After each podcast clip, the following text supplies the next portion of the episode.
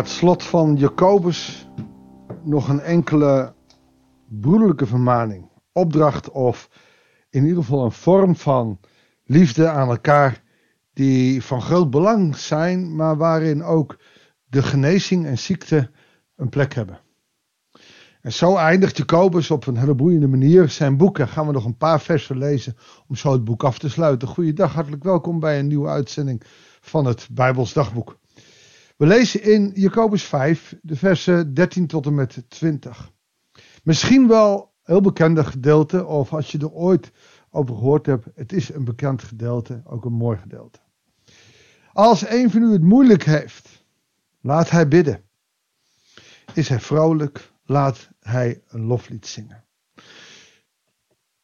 Als je het moeilijk hebt, moet je bidden. Dat is niet, niet klagen maar dragen en bidden om kracht. Nee, als je het moeilijk hebt, in gebed. Zorg dat je God betrekt, ook bij de zorg in je leven. Dat het niet alleen maar dat is uh, het klagerig over wat je allemaal niet kan en niet zal, maar als je pijn, moeite, zorg, als je het moeilijk hebt, breng het bij God. Ik zeg niet dat alles wat je zegt door hem verhoord zal worden. Nee, volstrekt niet. Maar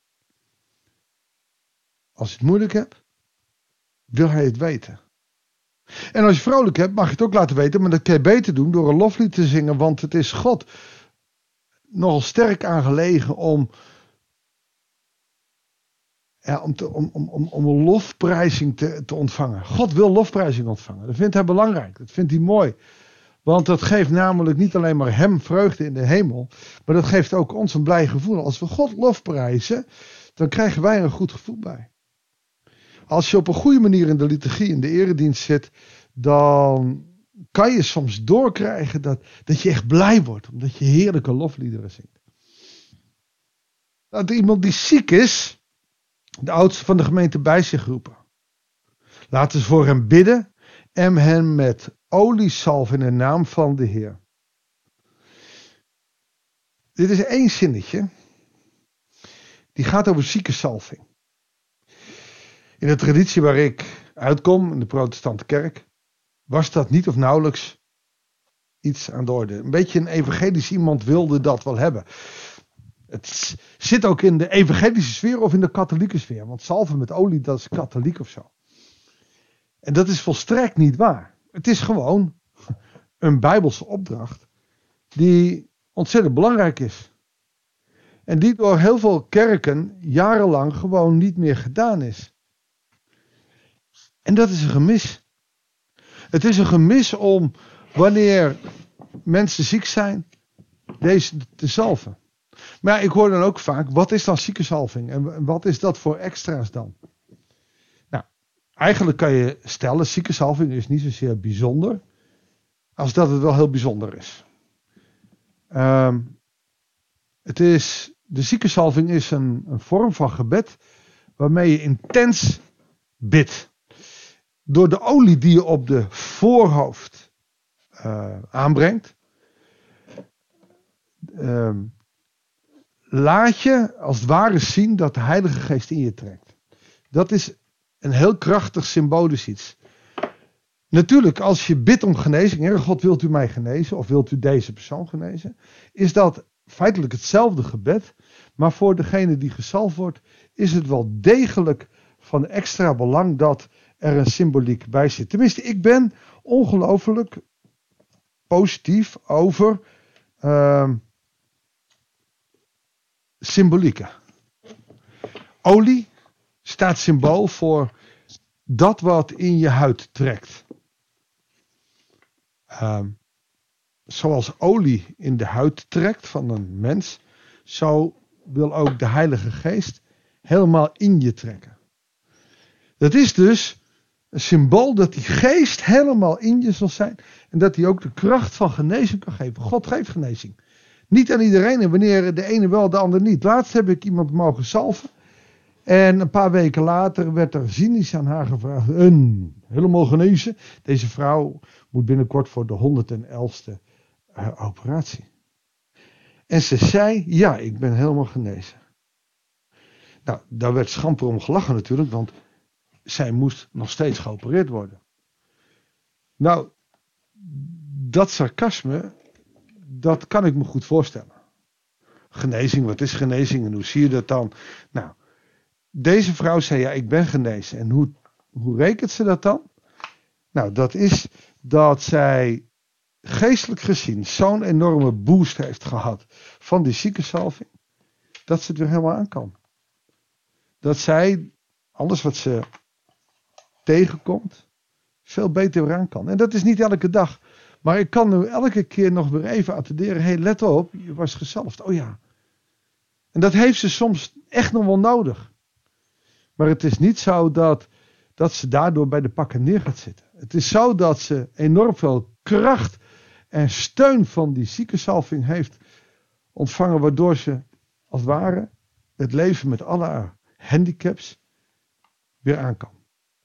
Zonder dat er een lichamelijke, echte, krachtdadige genezing is geweest. Natuurlijk hoop ik daar ook nog wel eens op mee te maken. Maar ziekensalving kan daar een enorme ondersteuning zijn. Het is dus wat anders dan het laatste oliesel van de Rooms-Katholieke Kerk. Ook dat heb ik wel eens gedaan. Je mag iemand salven, maar dan is het echt een overgave dat de Heer je mag komen halen. En dat, dat je vrij kan komen staan. Jacobus zegt het gelovige gebed zal de zieke redden. Hier staat dus niet genezen, maar redden. En in de Bijbel gaat het vaak meer over uh, geestelijke uh, gezondheid en geestelijke redding dan alleen maar de lichamelijke. Zelden zie je dat het alleen maar om de lichamelijke redding gaat, om de genezing. Maar vaak is de uh, lichamelijke genezing uh, bedoeld om geestelijk die boost te krijgen. Dus dat deze vrouw, waar ik het net over had, zei: Ja, ik ben genezen. Oftewel, ik heb zo'n boost gehad. En ik kan nog steeds, ondanks 110 operaties, vasthouden aan God. Dan heb je het over een hele krachtdadige genezing. Een redding namelijk. En de Heer zal hem of haar laten opstaan. Wanneer hij of zij gezondigd heeft, zal het hem vergeven worden. Daarom, daarom gaat dat voor een zieke zelf ook altijd vooraf. Beken elkaar uw zonde en bid voor elkaar. Dan zult u genezen. En dan zie je dat het hier ook feitelijk om die geestelijke genezing gaat. Maar, psychosomatisch zit ook in, in de christelijke wereld. Wanneer je psychisch zo sterk op God gericht bent dan kan je ook je ziekte beter aan. Geloof ik dan niet in een lichamelijke genezing? Ook dat gebeurt. Alleen ik kan niet zeggen wanneer wel en wanneer niet en wie wel en wanneer wie niet. Jacobus heeft het daarom ook meer. Hè, een zieke mag gezalfd worden, zal gezalfd worden. Maar het gaat om de redding. Want het gebed van een rechtvaardige is krachtig en mist zijn uitwerking niet. Elia was een mens als wij. En nadat, wij, nadat hij vurig had gebeden dat, er dat het niet zou regenen, is er 3,5 jaar geen regen gevallen op het land. Toen bad hij opnieuw en de hemel gaf regen. En het land bracht zijn vrucht weer voor. Jacobus zegt er is wel degelijk kracht in gebed. Nou, je hebt ook die teksten, dat de tong hebben we het over gehad. In Jacobus ook. De tong is een scherp iets, maar de tong kan ook zegenen. Broeders en zusters, als u afdwaalt van de waarheid en een ander laat hem daarin heen terugkeren, dan mag hij weten wie een zondaar van het dwaalspoor terugbrengt. Red hem van de dood en wist tal van zonden uit. En daarmee besluit Jacobus zijn brief. Of het helemaal dit het einde is, dat weten we niet. Je zou zeggen dat er hier nog een soort groet kwam, maar dat is van Paulus. Belangrijkste slotakkoord, de teaser of de cliffhanger is. Zorg dat je andere mensen bij Jezus houdt. Dat kan door genezing, maar dat kan door al die voorbeelden die hij genoemd heeft. Belangrijkste vind ik wel centrale in zijn boek staat gebed. Stil worden. Communiceren met God. Natuurlijk met elkaar, maar vooral met God. Zullen we dat maar gaan doen? Vader in de hemel, we willen nu communiceren met u, oftewel we willen bidden. En ik wil u bidden voor alle podcastluisteraars die het moeilijk hebben.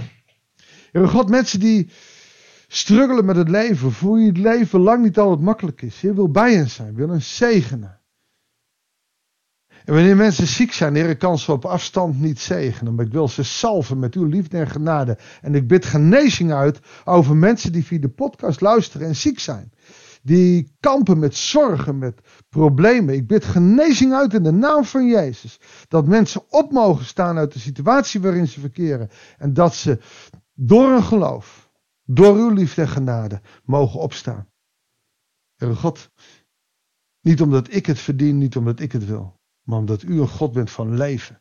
Omdat u een God bent van liefde. Daarom bid ik het u. En voor alle andere mensen, Heere God, wil ik een gebed uitspreken. Wees bij hen. Wees bij als ze singles zijn, als ze getrouwd zijn. Als ze weduwe of wedenaars zijn. Wees met hun gezinnen. Wees met hun families. Wees zo met een ieder in de naam van Jezus. En geef hen en schenk hen de liefde, de agapeo die ze nodig hebben. Om de liefde naar elkaar, of het nou zieke mensen zijn of gezonde mensen zijn. Heere God, om de liefde naar elkaar te betuigen. Dit bid ik u. In de naam van Jezus. Amen. Dankjewel voor het luisteren. Ik wens je God zegen. En heel graag tot de volgende uitzending van het Bijbels dagboek. Oh en geloof me. Stap uit. Heb het lef om te geloven dat God in de naam van Jezus echt mensen laat opstaan. Dat genezing mogelijk is. Natuurlijk is het belangrijkste dat jouw geest, je ziel tot hem bekeerd is. Maar ook lichamelijke genezing. Ik bestaat.